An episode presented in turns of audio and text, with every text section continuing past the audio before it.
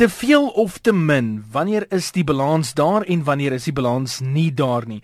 Hoe dit ook al sê, ons kinders word groot in die tegnologie era en tegnologie gaan deel wees van hulle alledaagse bestaan, veral in die klaskamer. Ons kyk onder andere na daardie tegnologiese apparate of dan nou katoeters wat kinders in skool kan help of selfs hoe nadelig daardie katoeters mag wees. Die opvoedkundige sielkundige Elmarie Maas-Dormel is nou op die lyn saam met ons. Goeiemiddag.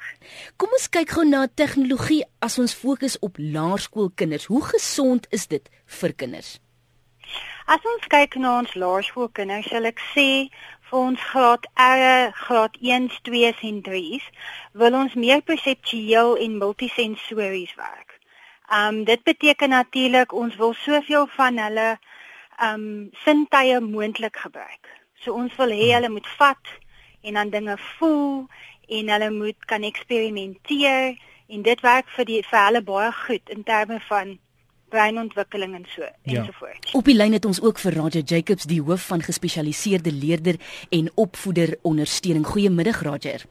Goeiemiddag Sue en goeiemiddag Etienne en luisteraars. Te veel tegnologie is seker ook skadelik.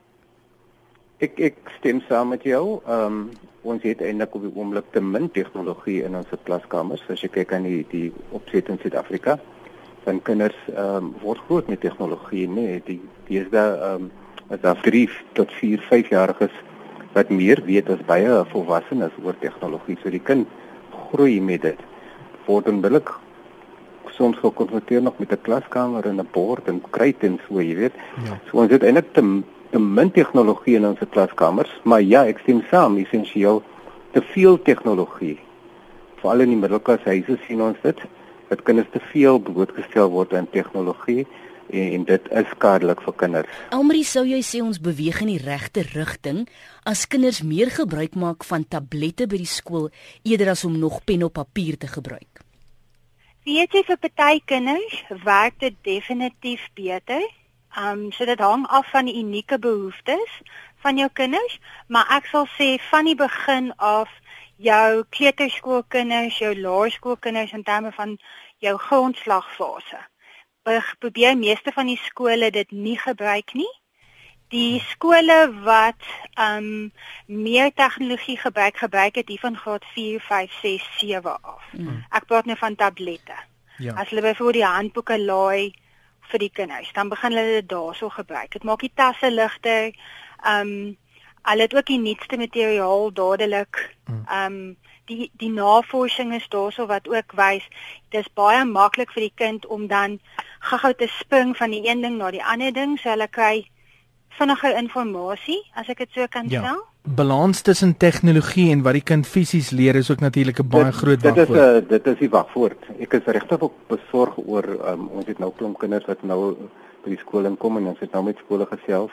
Die kinders uh, speel hardlooprol en klouter hopeloos te min.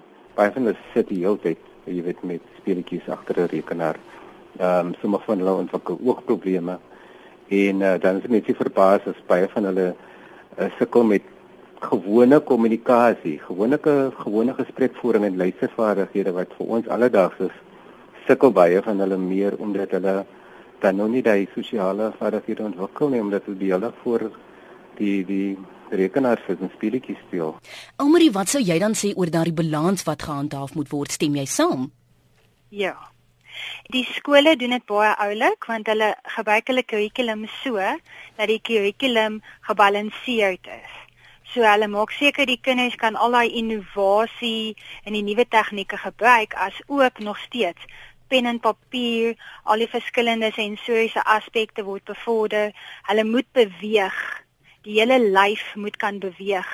Want as ons ook kyk na ADHD en so aan, daar's verskillende um, navorsing wat wys, jy kan die kind besig hou met die tablet en al daai verskillende klanke en inputs, maar jy het dit ook nodig dat die steeds kan sit in hulle stoel en hulle self kan besig hou, as ek dit so kan stel.